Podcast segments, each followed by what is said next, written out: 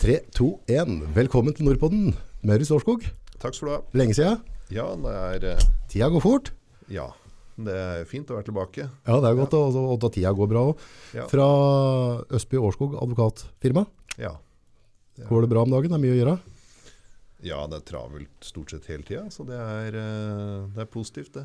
Det er positivt. Det er det. Du er jo faktisk en av Jeg møter jo noen folk, men du, du er liksom på sånn topp fem-lista av folk som legger ned mye dedikasjon i arbeid. Du er, er jo på ballen hele tida, da. Ja, det vet ikke hvem som ellers er på den lista, men eh, nei, jeg, jeg jobber jo ganske mye, da, så det er, eh, det er blitt en livsstil. Ja. Men det handler om å få unna seg saker og, og, og hjelpe kundene sine, sikkert. Ja, det må jo, de sakene som kommer inn, det må jo håndteres da, og da er det jo, når det er mye som kommer inn, så er det jo, blir det mye å gjøre. Hvor viktig er det liksom også å få unna seg de sakene ganske fortløpende, at det ikke blir på sånn langvarig prosjekt? Hvor mye betyr det for deg og kunda, tenker du det? Altså, noen saker er jo naturlig at pågår over en tid, så det vil jo fordele seg. Men det er klart eh, eh, Bør jo håndtere det i en sånn normal hastighet, så folk ikke venter unødvendig, i hvert fall. Da. Ja. Det, det er jo Noe annet ville vært eh, Ja, det, sånn bør det være. Det har vel sikkert litt med løsningen på sakene òg, hvis du på en måte holder det varmt og, og du, at du får en framdrift. Da, at du ofte kanskje får et bedre resultat ut av det. Ja, Det spørs jo helt på hva slags type sak det er. da. Altså klart, Hvis det er la oss si det er en tvistesak som skal i domstolen, så er det jo, må du jo henge med i systemet i domstolen da, og til det blir en rettskraftig dom eller et forlik underveis. Eh, hvis det er en forhandling som utenrettslig, så kan det være litt annerledes. Og så mm, kan det være transaksjoner og rådgivning og ja, det er, det er jo så mye forskjellig, så eh, Det kommer helt an på saken. Det er kult at du møter vanvittig mye forskjellige folk, yrker og næringer. Altså, du får jo ganske høy sånn der, samfunnskunnskap. Du kommer jo borti mye forskjellig, da. Ja, altså Det er riktig.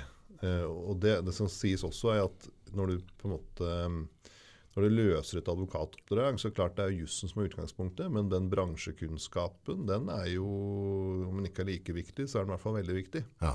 Det er jo ikke sånn at jussen lever i et uh, tomt rom. ikke sant? Den lever i en bransje eller i, en samf ja, i, i samfunnet på et eller annet vis. Så klart, det samspillet mm, det er viktig. Og kunnskap om bransjen, som den jussen gjelder i, det, det er helt klart et fortrinn. Ja, ha en forståelse. Det ser jo, jeg driver jo med, eh, altså det jeg lever av er jo den reklamebiten, at jeg driver med content. Ja, Uh, ser, du kan jo lære på en måte alle å holde et kamera, og justere og ordne og styre etter den biten der. Men jeg ser på en måte det jeg lever av, er på en måte den kunnskapen jeg er villig til å tilegne meg om de enkelte selskapene. Hva, hva er liksom, hva er deres ha en forståelse for kunden. For jeg ser hvis jeg sender ut en fotograf for å filme et eller annet, og han har null forståelse for hva kunden driver med, så, så, så får jeg et veldig sånn flatt produkt. Da. Det blir veldig lite Du Ja. mister denne X-faktoren hvis du ikke har den forståelsen. ja det, det er jo ja, det er jo en type sånn, sånn kundeforståelse eller, eller bransjeforståelse, eller hva man skal kalle det. da. Og Sånn er det jo også for advokater. det. Det er jo, Du bør jo helst ha en forståelse for den ja, så la, Hvis det er eh, kunder fra en, bestemt bransje da, med spørsmål som er bransjerelaterte, så er det klart um, å komme der uten noe forkunnskap om bransjen, det er jo ikke helt heldig. Da hjelper det veldig da, å ha en sånn, en, det en kaller en sånn sunn nysgjerrighet. At, når du kommer, altså, at, du, at du har den evnen til å synes det er gøy å lære noe nytt. Da. Ja, Ja. Så det, sånn må det være. Så det, mm, så det mm, Ja, det er riktig. Men det er helt riktig det at det er, eh, som advokat så har du jo saker som gjelder veldig mye, så du tilegner deg jo den bransjekunnskapen etter hvert. da. Du, jeg ble, ble kontakta av, av en som hadde litt sånn spørsmål rundt det derre odelsrett.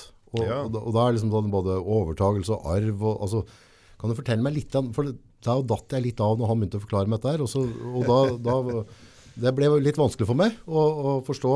Hva dette er? Ja, hva er dette for noe? Hvordan funker det? Har du noen eksempler på Ja, jeg kan jo si litt. Altså, Da tenker du på odel og landbruksrelatert juss, da, ikke sant? Yes. Ja. Nei, for da eh, Dette er jo Altså, odelsretten, den er grunnlovsfesta. Grunnlov? Ja, altså, har Det er jo den høyeste rettskilden i, i Norge da, inn, i vår interne rett. Det er Grunnloven som har grunnprinsipper for hvordan eh, ting skal reguleres. Der, der står de grunnleggende prinsippene. Sånn det er Grunnloven. Eh, og odelsretten står i Grunnloven. Og det betyr jo at når Grunnloven ble etablert, så, så var dette et grunnprinsipp som samfunnet skulle bygges på. Ja. Så dette, dette med odel, det har alltid vært eh, viktig i Norge. Og det som var bakteppet, det er litt sånn politisk interessant, og setter jo egentlig både eh, odelsinstituttet og samfunnsforståelsen i litt sånn historisk lys. Det var at her på berget, når vi da skulle ha en egen grunnlov, mm. så så vi nedover Europa, som jo kanskje på mange måter var eh, Mange vil mene det var mer velutvikla samfunn. Mm. Noen kan mene det i hvert fall. Men så så man i Norge at det er noe vi ikke ville ha. Det var eh, nedover i Europa, sånn som i Frankrike, og så var det et type føydalsamfunn. Det vil si at det var eh, noen som satt på enorme jordmasser. Ja. Og så var det de mange som på en måte leide eller jobbet på en annen manns grunn. Okay. Eh, altså det er store jordeiere, som egentlig var da datidens samfunnstopper, da, for å kalle det det. Eh, og mange litt ned, lenger ned på stigen. ikke sant? Og da, når da Norge skulle danne en egen grunnlov og basere vårt samfunn på, så sa man at sånn vil ikke vi ha det her. Derfor skal vi ha en odelsrett som sikrer en spredt eiendomsstruktur. Det var bakgrunnen for at vi har dette i Grunnloven. Eh, tanken den gangen det var da at da skulle man gjennom odelsretten ha et etterkommerne da, av noen som eide en eh, gårdseiendom. ikke sant? De skulle ha rett til å overta, Ja. sånn at de kunne bare gå og si 'jeg skal ha den eiendommen'. Mhm. Og så skulle det legges opp til eh, da helst en noe redusert pris, sånn at du økte muligheten for det. Mm.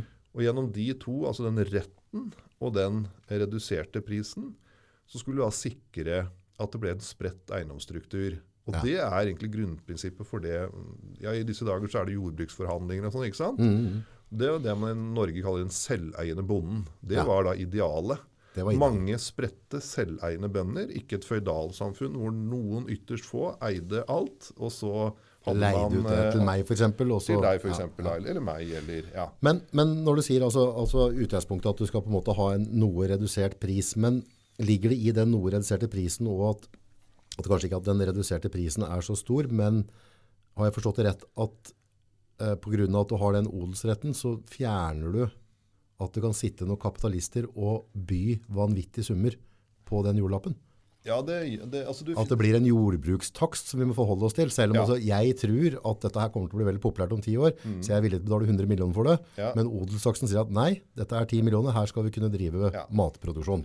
Ja, det er riktig. Altså, det, det er nok, Selv om da idealet den gang, hvis vi går tilbake i 1814 Vi snakker jo liksom vi snakker jo et par hundre år tilbake. ikke sant?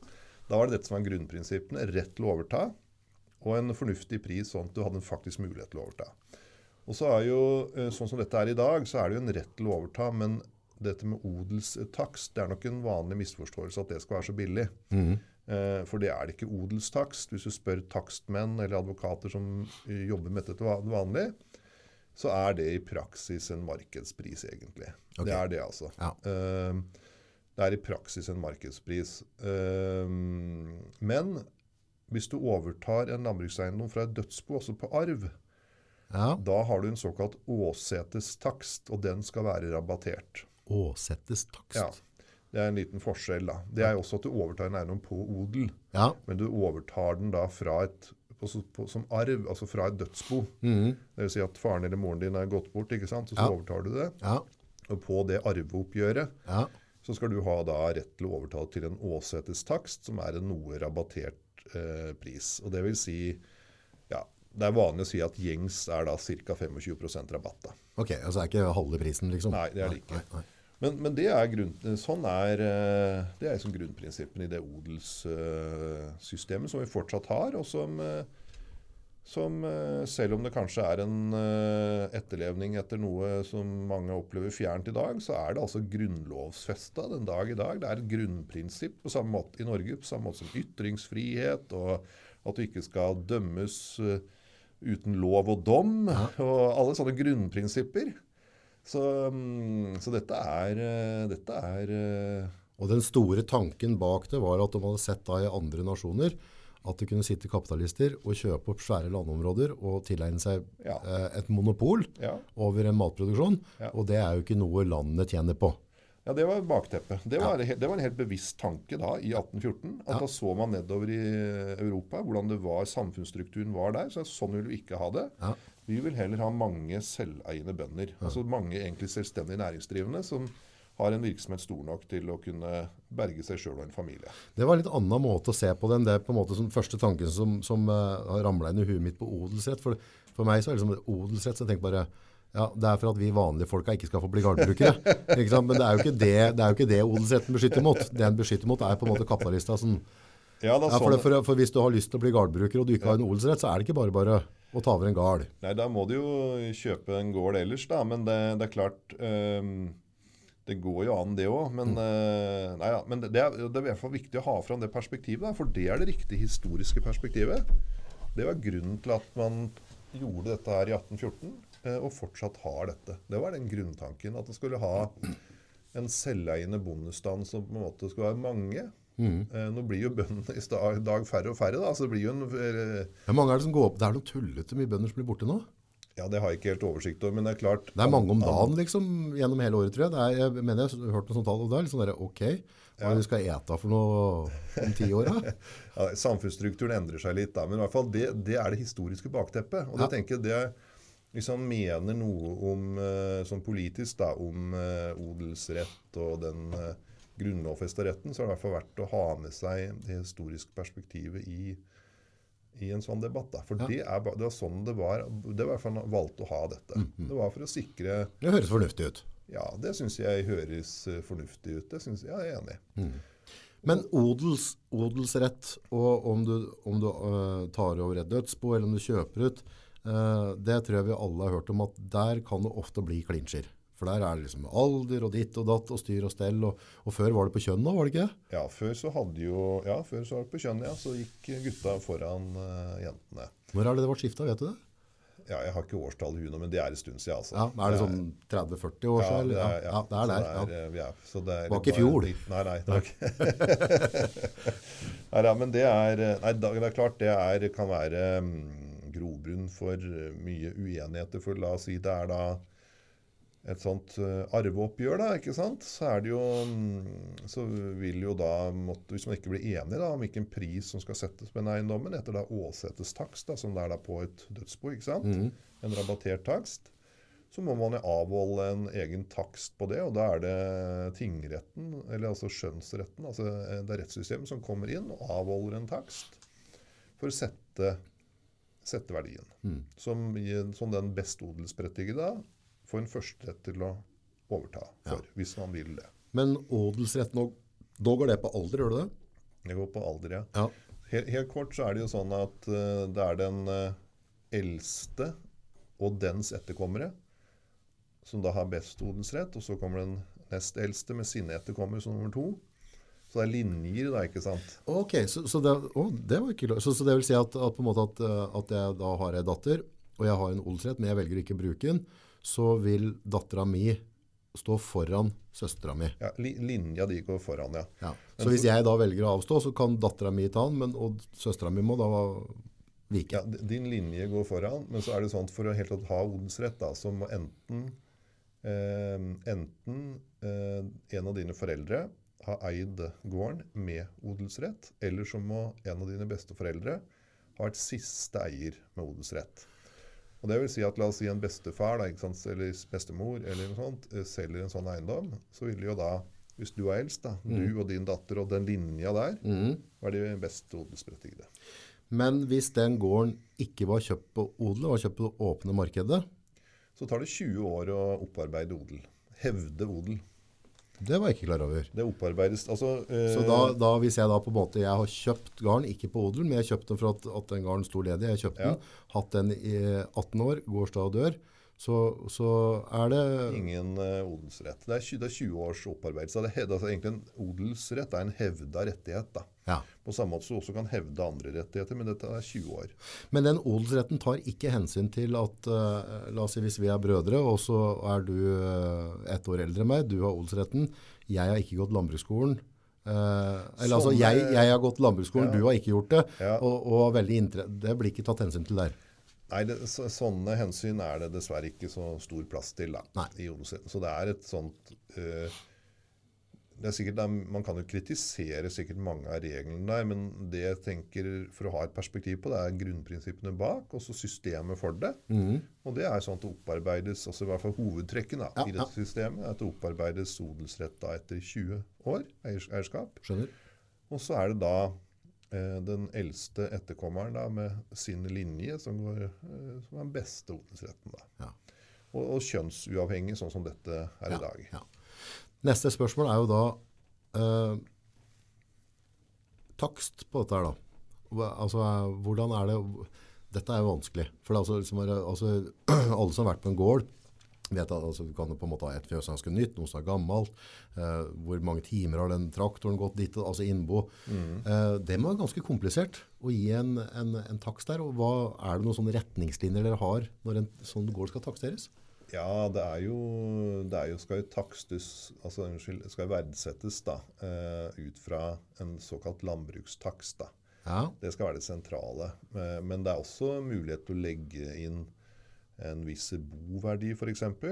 Og det gjør at det er jo ikke feil sånn takstmessig, eller da eh, eh, skjønnsfastsettelse etter odelsloven, at eiendommer i eh, Eiendommer i eh, hva skal jeg si, eh, nær, sentrumsnære områder da, ja, eh, kan få en høyere eh, odelstakst enn det de ville hatt hvis de hadde på en måte samme ressursgrunnlaget, men hadde en annen geografisk plassering. Men en, en landbrukstakst, hva er det som skiller den altså, og en vanlig takst da? Det er egentlig ikke så veldig stor forskjell, men du skal jo se hen til liksom hva du kan drive ut av eiendommen. da. Mm. Men ellers så er det ikke stor altså, Så da regner du hvor mye korn kan du selge i året? ja, hva, hva kan du liksom klare å få ut av en sånn eiendom? Men det kommer også inn aspekter som, som boverdi og sånn. ikke sant? Og det er jo prinsippet for en helt vanlig takst. Sant? Hva er verdien av på en måte bo på en sånn eiendom? Men, men det som er liksom, la oss si at jeg har tatt, på en måte tatt gården på, på odel, og så er du lillebroren min, Ja, og så eh, od, den odelstaksten eller den, den er ikke så høy, for det var ikke så veldig bra bruk. Men nede i skråninga der, så driver kommunen og regulerer i årene og styrer, og så om Ja. tre års, fire-fem års tid, etter den der jeg har tatt over gården, så selger jeg tomter for 100 millioner. Da ville du føle at Ja, men det er, det er regler for dette her. Og det, det, det kommer inn også i både i takstprinsippene og etteroppgjørsregler. etteroppgjørsregler Ja, Vi skal først ta takstprinsippene. Altså, jeg hadde en, eh, hadde en sak eh, ganske nylig som forlikte. Vi sto i retten, men som vi forlikte. Hvor det var en eh, gårdseiendom da, eh, som hadde store utviklingsarealer. Eh, Det var en veldig fin boplass, eh, fin hovedbygning. Eh, store utviklingsarealer som var da lagt inn i arealplanen til eh, industritomter og sånn. Ja, Men veldig beskjedne eh, veldig beskjedne landbruks, eh, tradisjonelle landbruksressurser. eh, Dyrka mark Ja, ja. Og, og driftsbygning veldig. Så det var jo et liksom spesielt objekt. da. Og da var det jo en enke og noen barn da, som, eh, som var eh, uenige da, om hva han skulle verdsette når han skulle overta det. ja, Og da, klart, da var det først da, en, eh, en takstmann som presenterte en landbrukstakst på ja, jeg husker ikke nå, 7 eller 8 millioner. eller noe sånt nå, Og så, og så regna vi ut at ut fra meglere, da, eh, altså, som da omsetter tomter og sånn, at denne eiendommen er vel verdt, eh, hvis du tar i litt, kanskje 100 millioner. da, au, Ut fra hva du kan realisere. ja, Fordi markedet er der. Det er omregulert. Ja. Kjøperne står på døra. ja, Du har vet omtrent prisen på de tomtene. Mm. Så hvis du regna litt i det øvre sjikt av hva du kunne forvente å få realisert det for, så kanskje du lå på 100 millioner da. Og da inntok eh, jeg da på vegne av dem jeg representerte at her snakker vi om 100 millioner, og de på andre sida snakker vi om 6-7-8 millioner. ja, Og det er klart, det er jo en vanskelig sak, og, og da ble vi ikke enige, så vi møtte, måtte jo gå i retten. ja, For da måtte jo retten fastsatte en, da, en eh, åsetestakst. For da, det var et arveoppgjør, så det er riktig at da skulle det jo være en åsetestakst. skulle jo være en rabattert pris Men hva er utgangspunktet? Eh, 7 millioner eller 100 millioner? Ja, det er jo litt forskjell utgangspunkt. Da er det verdt å diskutere litt òg. Da er det verdt å diskutere litt. Og da eh, endte jo det en, eh, en forliksløsning, da. Som jeg tror er klok for all, alle parter. Ja. Hvor eh, man møttes et sted eh, imellom det, og så også fant løsninger. For det er jo ikke bare Du kan jo tenke deg hvis du skal ta over en sånn eiendom, og du skal gå i banken og si at her er det tomter, jeg kommer til å få solgt det. Ja. Men jeg har ikke noen kjøpekontrakter ennå. Det er ikke bare å låne flere titalls millioner hvis du ikke har eh, Så problemet ville vært at hvis eh, jeg fikk rett da, i den argumentasjonen min, så var det vel egentlig ingen som hadde råd til å overta det der. Nei. Fordi det hadde jo ikke penger på konto, Nei. og du kunne ikke gå i banken og ingen, Låne på luft. Nei, låne på luft. Altså, du har arealplan ja, og alt ja, ligger ja. der, men eh, bankene opererer ikke sånn. Så man fant en fin løsning da, med å fradele, ikke sant? plukke det ut, og så selge det, og så resten da ble overtatt med en omforent pris. Men neste problemet der er jo på en måte, la oss si at, eh, at det er jeg som skal ta over da. Og så er det snakk om 7 millioner, og så sier jeg at ja, det er eiendom for 10 her. Og så sier jeg at uh, nei, denne gården her har vært drevet i min familie i 100 år nå. Ja, Og her skal jeg ikke selge eiendommer. Her skal Ja. vi ha jord. Og jeg bryr meg ikke om at det er regulert, så jeg kan gjøre det, men jeg vil ha jord, og jeg vil ha skog der. Mm. Så jeg vil ikke realisere de penga. ja, Og så sitter da søstera mi og sier at eh, nei, men du må betale. ja men det er jo akkurat den problemstillingen. Da er spørsmålet hva skal eh, en, eh, odelstakst eller åsetestakst da gå ut på? Ja. Og da er jo ikke jussen helt klar på det, eh, men det er i hvert fall helt klart i de dommene som foreligger i dag, da, at du skal ta et visst hensyn mm. til potensialet som er der. Mhm.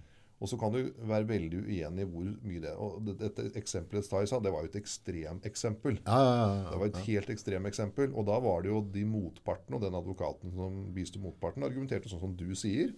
At jeg skal drive en, en eiendom som landbruk. Jeg gir blaffen ja. i at kommunen har lagt inn i arealplan, og at uh, samfunnsutviklingen går i retningen av at her blir det Dette er på en måte rett ved et industriområde og hele pakka. Eh, så hva den, en domstol hadde kommet fram til i saken, det vet vi jo ikke, men vi fant en løsning, heldigvis. Og, så så det, er, eh, det er jo et litt sånn uavklart spørsmål, men det som i hvert fall kan sies sikkert, er at de dommene som foreligger i dag, det er de rettsavgjørelsene som foreligger i dag, sier at du skal tas et visst hensyn til det. Ja. Det er en høyesterettsavgjørelse fra er det 2020 eller 2021 som avklarer noe rundt det. da. Mhm. Og da, da må den som overtar, da finne seg i, hvis da søsknene hvis, dette, hvis det er et tilfelle hvor en eiendom har et sånt utviklingspotensial, da, Mm. og den som overtar sier at nei, men jeg, eh, jeg er ikke sånn anlagt, jeg er ikke opptatt av det, jeg er bare opptatt av å drive denne eiendommen som landbruk, og det er jeg som skal overta, Mm. så må han antageligvis akseptere og betale litt for den, det potensialet som ligger der, ja. selv om han velger å ikke bruke det. Da er det litt tøft å være gardebruker, for da, da drar du på deg mye gjeld for å, for å lage noe mjølk, for å si det sånn. Ja, det, det kan det jo Det kan være tilfellet. Nei, så det var eh, Nei, så sånne situasjoner, det, det har man jo noe av, da. Men vi har jo en sånn, en sånn eh, rød tråd egentlig i alle de samtalene vi har. Eh, og det er liksom der du glimter til, og det er jo på hva kan vi gjøre i forkant da? For det handler veldig mye om hva, altså, hva bør vi tenke på? Hvis jeg sitter Ja. på en landbrukseiendom og har noen unger, og jeg ser at det er, altså, er det noe jeg som forelder bør forberede på for å rett og slett ikke sørge for at familien blir kavende uvenner etterpå? Ja, altså det, det er jo naturlig da kanskje ta en samtale om disse temaene, for det er eh, for i hvert fall hvis, altså i hvert fall sånne ekstrem, altså sånne tilfeller som vi snakker nå, hvor eh, eiendommen ligger sånn an, at hva som er en riktig odelstakst eller åsetestakst, det kan man tviste om. Særlig fordi det kommer inn andre utnyttelsesmuligheter som måte blåser opp verdiene, men som er jo da reelle, i samfunnet reelle markedsverdier, men som legger de prinsippene da. Da kan vi gå tilbake og se på historien. Når, da, når han fikk da disse odelsreglene, hva var hensynet? Jo, det var jo for å nettopp kunne få rett til å overta. For at dette ikke skal skje. Ja, for at det ikke skal skje, ja. Ja. Så det er jo, dette er jo mm, ja, men Det man eh, bør gjøre i en sånn situasjon, er jo å snakke om det. Og så går det også an eh, å søke kommunen om en fradeling i forkant. Dvs. Si at hvis du får delt fra arealer som, eh, som er regulert da, til, eh, eh, til eh, annen Altså i arealplaner, i annen bruk enn landbruk, så er det jo enklere da å overdra resten av eiendommen ikke sant, til en omforent pris som, som etterkommerne ikke reagerer på. Eh, enn om du overdrar også eh, arealer som kan utnyttes til noe helt annet. Men det som er litt, sånn litt vondt med det, er jo på en måte at hvis jeg da skal gå og prate med far min du, når du døva altså det, det er jo litt sånn her, ofte så, så og, og det som ofte skjer her i livet, er jo noen ganger så dør folk brått. Ja. At du tenker liksom dette kan vi ta om 10-20 år. Men at, at det kan være lurt å ha noen sånne grunnprinsipper og ikke være, altså bare gå til en advokat, ta en prat før det Ja, det- går i vifta. For, for Ja. vi, vi vet jo ikke. Men, men det, det er jo liksom jeg, ja, jeg, altså, jeg hadde ikke syntes det var noe artig og godt å prate med mora mi om arv nå. Hvordan Nei, skal vi nei. fordele? Jeg vil ikke det. Nei, det skjønner jeg godt. Det tror ikke jeg hadde hatt noe lyst til. Eller det- jeg snakker heller ikke om sånne ting. Men altså, hvis du, hvis du da på en måte som um, eier av en gård da, ser at den gården du eier, den reiser sånne type problemstillinger som vi snakka om nå, da er det jo et behov for det. Da må du bare gjøre det. Eller så må du jo sørge for en fradeling, da. Eller så må du jo ta risikoen da, på at de etterkommerne går i clinch og kommer opp i en sånn problemstilling som jeg skisserte i sted, da, hvor det er ekstreme verdi, ulike verdianslag. Uh, og hvis den som får rett i at det er en veldig høy verdi, så har ingen, rett, ingen klarer å overta det. Så da blir den bare til noen andre. da. Ja, ja. Nei, så, så da er på en måte skjea i munnen på den som er eier nå i dag. Da. Ja. Altså for, det, for det vil være naturlig at dem som er da arvtakere, ikke syns dette er noe koselig å prate om. Mm. Men da må vi være så voksne, vi som har barn, Ja. at, vi, at vi tar dette At, at vi ikke, ikke flytter det Mm. til neste år og neste år og neste år, men at vi på en måte tar en sunn samtale rundt det. Så det er, eh, ja, altså det, det er mitt råd. Og der ser man jo på en måte hvordan de odelshensynene er under press da, eh, ikke sant? fra samfunnsutviklingen. Ellers, og det, Et annet sånt ekstremt tilfelle er jo noe jeg har hatt eh, denne, andre, denne saken vi snakka om i sted, er jo en god stund siden. Men jeg hadde akkurat nå nylig hatt en sak, og den pågår delvis fortsatt, hvor det er en kar som har eid et helt vanlig bolighus, en villa som har ligget inntil et eh, ja, det som må kunne kalles et småbruk. da. Ja. Og dette småbruket har ligget i et dødsbo og eh, på en måte ja, ikke blitt forvalta. Litt sånn shabby der, da. Ja. Så kom det for salg, og så eh, tenkte han at dette var fint å kjøpe. Det ligger rett inntil der jeg bor. Da får jeg kontroll på det. Det slipper å ha det eh, liksom, liggende helt oppi hagen min. Ja. Og eh, det meglerforetaket da, som solgte dette her, og den takstmannen de engasjerte det, da var det en takst på det var, det var 6 eller 7 millioner, og de solgte det eh, u, uten, som om det ikke skulle være noe konsesjon på dette. For det er jo et annet ting. så Nå, først, nå har vi snakka om odel først, ikke sant? Og konsesjon, det er omsetning av landbrukseiendom når det ikke odels. Altså det er jo for, som det du nevnte i sted, Hvis du skal kjøpe det utenfra, at du ikke er en odelsgutt, da, Yes, det, yes, men du skal ja. på markedet og kjøpe en eiendom. Ja. Da er det jo konsesjonslovens regler som gjelder, Ja. men også det er noen regler for prisfastsettelse. Ja. Og da hadde da dette meglerforetaket med den takstmannen, eh, de hadde solgt det som om det ikke skulle være konsesjonspliktig. Så han eh, karen her da, som eh, fikk tilslaget på var det 4,2 millioner eller sånt nå, og syntes han hadde gjort et knallbra kjøp, ikke sant? Taksten var på 6 eller 7. Dette her var eh, saker. Og så sender han, og så går det inn til kommunen. Så sier han at du må jo søke konsesjon. Ja, ok, da søker konsesjon, da. Og så får han beskjed av kommunen at uh, dette her er jo under priskontrollen. Uh, og vi tillater ikke at uh, denne eiendommen blir solgt for mer enn 87 000 kroner. Hæ? Og det betyr at du har nå kjøpt noe for 4,2 som vi tillater bare at noen kjøper for 87 000 kroner. Og etter kontrakten så er det du som har konsesjonsrisikoen, så du må selge eiendommen For 87 000 kroner? ja, til noen andre. Da får han til dattera si oppi, da. Det var saken. Og så kom, og så kom Dette er jo en sånn juridisk floke. Ja, det var det. Og så kom vi inn i bildet, da. Og så da la vi jo den planen at ok, da får vi prøve å selge til en av barna dine, da. Og så får vi saksøke meglerforetaket Ja. for at du har betalt 4,2 millioner kroner for noe som det offentlige ikke tillater at noen kjøper for mer enn 87 000 kroner. og så var det mye frem og tilbake der. Så har det løst seg med at eh, kjøper og selger bare har gått hvert til sitt. da. Ja. Eh, sånn at de, de setter en strek over avtalen. Men da, liksom, da, Så da ble det ikke noe handel i det hele tatt? ja, det- da Han ble måtte de, føre tilbake alle penga han, ja, han fikk tilbake kjøpesummen, Ja. og måtte levere fra tilbake eiendommen. da. Så du altså heva avtalen. ja, ja. Men det var, jo- kan tenke hva slags risiko han da sitter i. da. Altså Han har da kjøpt en eiendom for 4,2 millioner kroner uten å ha fått opplyst at dette er noe priskontroll eller noen ting. og Taksten som ligger i prospektet, den sier, ikke, den sier at denne eiendommen har vært 6-7 millioner kroner. Og den takserer det som om det ikke skulle vært priskontroll. Og så går det inn til kommunen, og så sier kommunen at eh, denne eiendommen, den, etter priskontrollen i konsesjonsloven, så kan vi bare tillate overdragelse for maks 87 000 kroner. Men har kommunen vært litt firkanta da, eller kunne, kunne man liksom letta litt på sløret så lenge det er to parter, begge er enige, Ja. begge er fornøyd? De kunne nok eh, Nei, ikke, ikke, for dette her var så ekstremt, så her, de kunne aldri akseptere 4,2. Nei. Eh, Men at de kunne lagt seg noe høyere enn 87 000, det er, det er sikkert. Men det viser jo ikke sant, Når disse landbruksreglene slår inn i sånne objekter som er å anse som en landbrukseiendom, da, Ja. men som har en beliggenhet og en eh, attraktivitet eh, som gjør at i samfunnet, hvis du hadde sett bort fra landbruksreglene, hatt en helt annen verdi.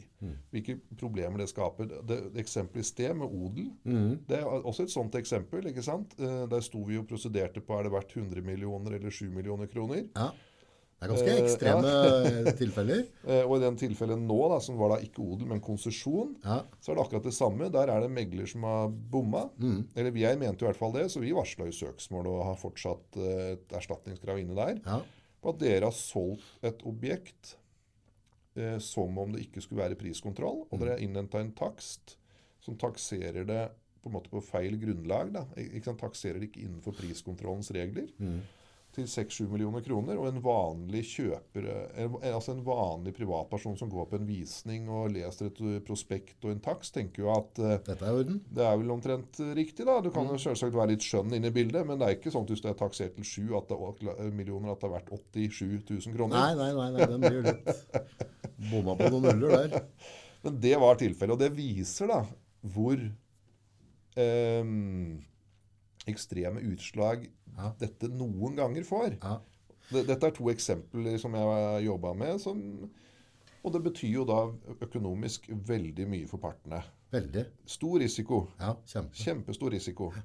Og det jo også, sant, viser jo også sånn politisk eh, sant, det, det presset, for da har du en sant, Hvis du går tilbake i Grunnloven Jo, vi skulle ha od, alle, alle disse reglene som vi snakker om Odel, konsesjon, driveplikt Altså alt dette her, som er sånn landbruksrettslige regler eh, de, de liksom, Hvis du går tilbake til 1814 Jo, de kom fordi du skulle sikre at dette, at dette var en, sånn, en selveiende bondestad. at man kunne drive som bonde. At nettopp samfunnet ikke skulle ellers da, Ja, ja. skulle liksom ta Spiser opp. kontroll, og så blir det på noen få hender.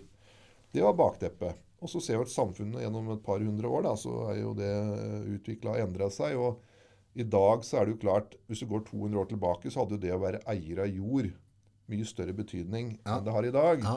I dag så er det jo um, eie andre ting enn liksom jordstore Ja, arealer har uh, Jeg tror den eh, jordverdien kommer til å øke litt, for det ser rundt i verden. Og det ser ut som folk trenger mat ennå, så jeg tror det er litt Ja, det- greit å, å ha muligheten til å produsere mat, faktisk. Vi får håpe det tar seg opp den, eh, den eh, Eller jeg håper i hvert fall at den eh, landbrukets posisjon tar seg opp i samfunnet. da. For dette her viser ikke sant, hvilket press det er under. Mm. Hvilken verdi den enkelte eiendommer kan ha, hvis du ser bort fra Ja, ja, ja. at det skal være landbruk. Men når du, altså, jeg har to spørsmål rundt konsesjon. Hva er konsesjon, og når, når blir det konsesjon? Utgangspunktet er at hvis du tar lov, liksom teknisk utgangspunkt da, Utgangspunktet etter konsesjonsloven er at enhver eiendom som omsettes er underlagt konsesjon. Men så er det en rekke unntak. da. Enhver eiendom som omsetter, altså at du omsettes. produserer noe ut selger, fra bakken. At du selger, nei, at du selger en eiendom. Okay, okay. Enhver eiendom, Hvis du eier en eiendom, hvilken som helst, Ja, en hagelapp. ja, og selger det, så er lovens utgangspunkt at alle eiendommer er underlagt konsesjon. Det er jo den som kjøper, må søke konsesjon. Ja, og konsesjon, hva er konsesjon? Det er at kommunen må tillate kjøpet. Så det er konsesjon. Og tillate vilkårene kjøpet er inngått på. Ok. Det er konsesjon. Men så er det masse unntak, da. Ja. Annet hvis det er bebygd eiendom, eh, så er det ikke konsesjon. Eh, hvis det enten er mindre enn 100 dekar totalt, Det er dekar samme som mål. målet, ja. Mm. eller det er mindre enn 35 dekar dyrka mark. Så det vil si at de aller fleste eiendommer som omsettes, altså eneboliger og leiligheter og alt mulig sånt, det er jo ikke, det er unntatt konsesjon. Så hvis jeg kjøper et småbruk som er på 70 mål, hvorav 60 mål er skog og øller, og så er det et jordlapp på 10 mål, så er ikke det en landbrukseiendom. Nei, for da er det under disse kravene. Ja, og du har 30 mål, eller 35. 100 35. dyrka. Men så da vil si at hvis jeg kjøper den, den, det småbruket, det, og det er hvis vi bare stopp- 70 Hvis vi bare stopper ja. her, da. For nå har jeg et eksempel til. ja, så bra. Den beste handelen, da, det er La oss si du har en sånn eiendom, et småbruk, som ligger i et sentrumsnært område. Yes. Og så overtar du eiendommen. altså det vil Si at det er et pressområde. Ja. Med høye boligpriser og, eller et eller annet. Folk li- vil bo der. Ja, bo der. Og så overtar du den eh, enten under priskontroll etter konsesjonsloven, ikke sant? Ja. Det er at du kjøper på det frie markedet. Ja. Eller fordi du er en odelsrett, og så overtar det på den måten. Det er liksom de to regelsettene. Og så får du kommunen til å få ut en oppmålingsforretning. Oppmålingsforretning, det vil si. Ja, det er ny gå, gå over arealene en gang til og få oppdatert arealene. Og hvis du da klarer å få det akkurat under, da, ikke sant? disse tallene, da har du plutselig en eiendom som har en helt annen verdi. Ja, For da gjelder jo ikke disse reglene lenger. ikke sant? Da kan du Så det, på det. det har jeg også vært borti nå en ny sak nylig, hvor det er, var en, en kar som kjøpte en eiendom eh, under priskontroll. Og så mener han at etter hvert som tida har gått, så er det et eller annet med ja, det har vært noen små endringer. Som gjør at han håper han nå da kommer rett under dette her. For da kan han selge eiendommen uten priskontroll. Da kan, har ikke kommunen rett til å mene noe som helst om prisen på den eiendommen. Da kan du tenke en eiendom Hvis han hadde først vært, eh, overtatt den for 87 000 kroner, fordi det var det kommunen tillot at den ble Og solgt så for, gjør den og så klarer å komme seg under, da så selger du for 7 Det er en ny, ny businessplan. Vi må finne de tomtene. Så det er um, Ja. Men da har jeg forstått det rett, så, så la oss si at gården eller småbruket kjøper er på 70 mål, men det har dyrka mark på 40 mål. ja da er det Da er det gård. Ja. Men uh, hvis den er på 99 mål, og det er dyrka mark på 31 mål, ja. så er det greit. Mm. Da er det unntatt. Så, så dette er, ikke dette, disse reglene det, det skaper mye eh, jobb for sånn som meg. da. Ja. Det, det er klart de gjør det, for det har stor betydning for eh, de som eh, skal overta sånne eiendommer. Men du, var det oppmålingsforretning? Nei, hva du kalte det? Ja, oppmålingsforretning. kommunen kommer og foretar Er det ofte at det blir bare, altså Hvis jeg på en måte har hatt en oppmåling av en eiendom for 50 år siden, og vi tar en ny en nå i dag, Så er det kan det vise seg at det er litt forskjellig. Altså, det, er, For det var ikke eksakt vitenskap for 50 år siden, sikkert? Nei, så det er jo ikke sikkert at det blir store forskjeller. Men hvis du er helt på grensen, ikke sant? Ja. Ok, da hadde det vært veldig kjekt om dette jordet hadde stoppa liksom akkurat der, og ikke gått liksom en Ja, ja, ja.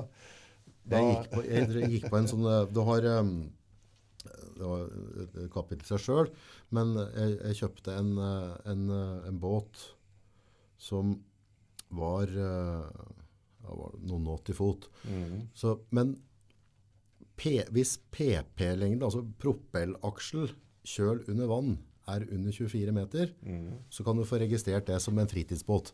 Og da vil si at da slipper du utafor kystkontrollens. For hvis du har en båt da, som er mer enn 24 meter på den PP-en, så, så må du ha da riktig brannvarselsystem, ditt og datt, altså det koster deg hundretusener av. Så når jeg hadde den båten, da, så var jeg måte, hadde jeg noen målebrev som tilsa at jeg skulle få den under den PP-lengden. Der bomma jeg. Sier du det, ja? Så, men den, den ble jo hogd, så de kom jo godt ut av det. Det var jeg som trengte maskinene og greier. Ja. Men, eh, men det var liksom, det var liksom, og det var bare snakk om noen centimeter feil. Ja, Det vil aldri bli et fritidsfartøy, og da, da havner du under skips.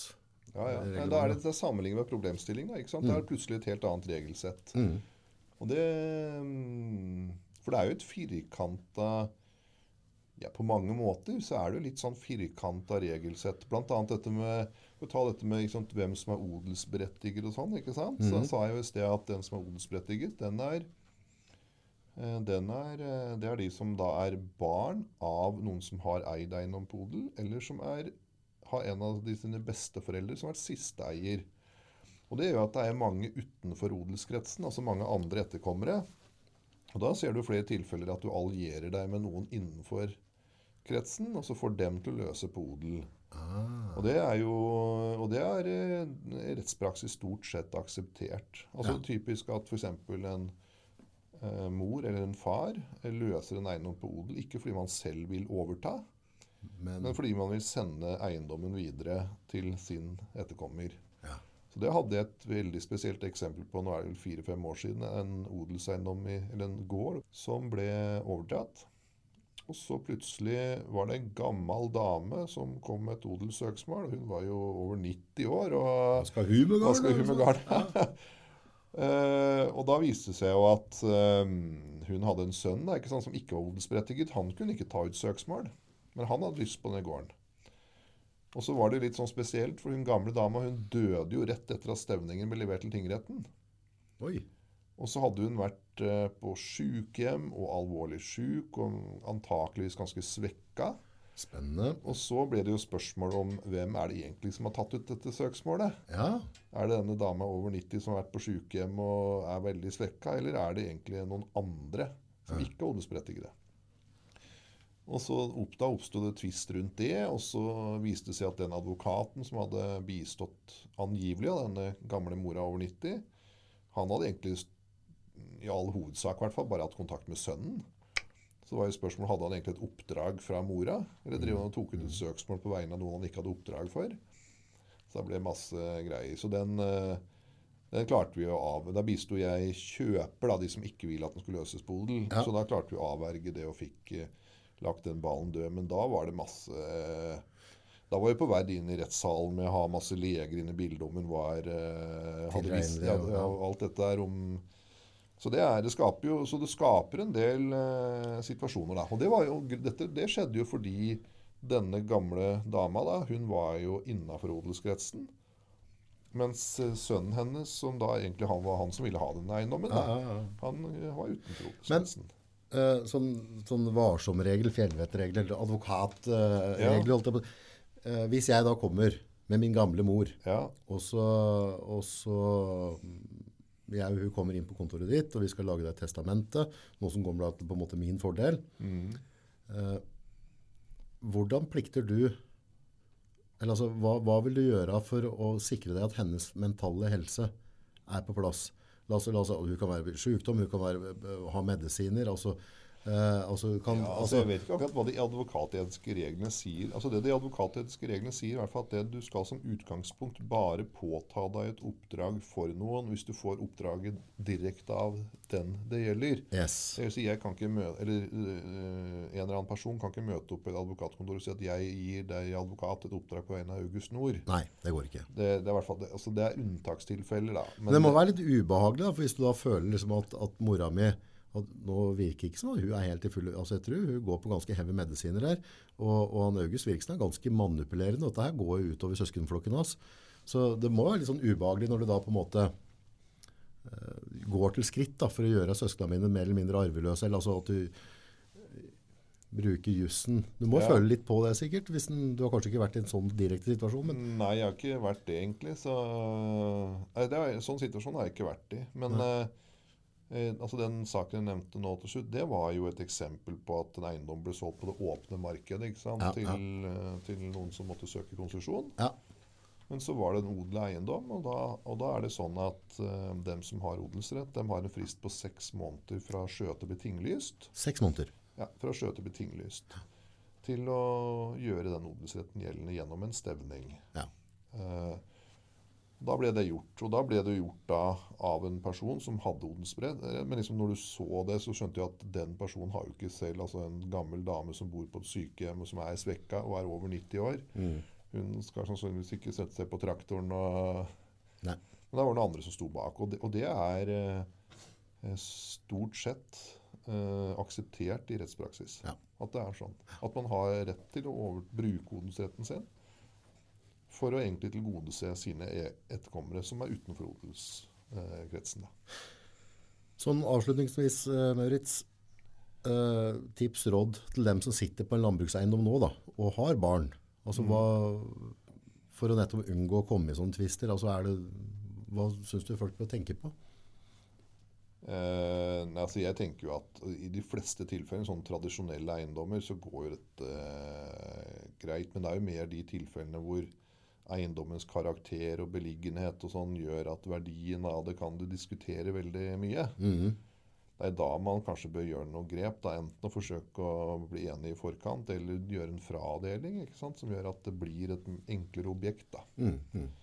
Fordi, mm, altså for, for det disse reglene viser, da, det er jo, eller for de eksemplene jeg snakka om nå, det viser jo at um, det er ikke gitt hva myndigheter eller domstolene kommer fram til, og hvor stor betydning på en måte eiendommens verdi, ikke som ren landbrukseiendom, da, men fordi det har andre ressurser, spiller inn. Og da kan du risikere at ingen er eh, klarer å overta, fordi det blir for dyrt, rett og slett. Og det er kanskje ikke ønskelig. Som regel så ønsker jo de som har en gård at den etterkommer overtar. Det er i hvert fall vanlig. Ja, ja.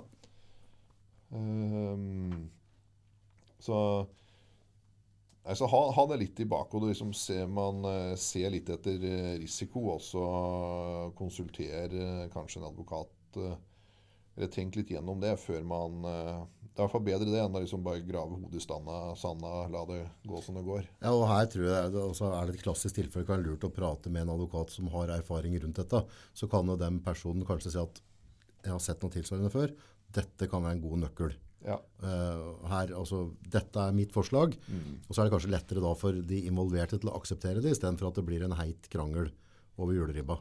Ja, ja, absolutt. Og så- sånne, det er, jo- dette er et typisk eksempel, så det er jo som regel løsninger på det meste, bare du har gjennomtenkt i forkant. da.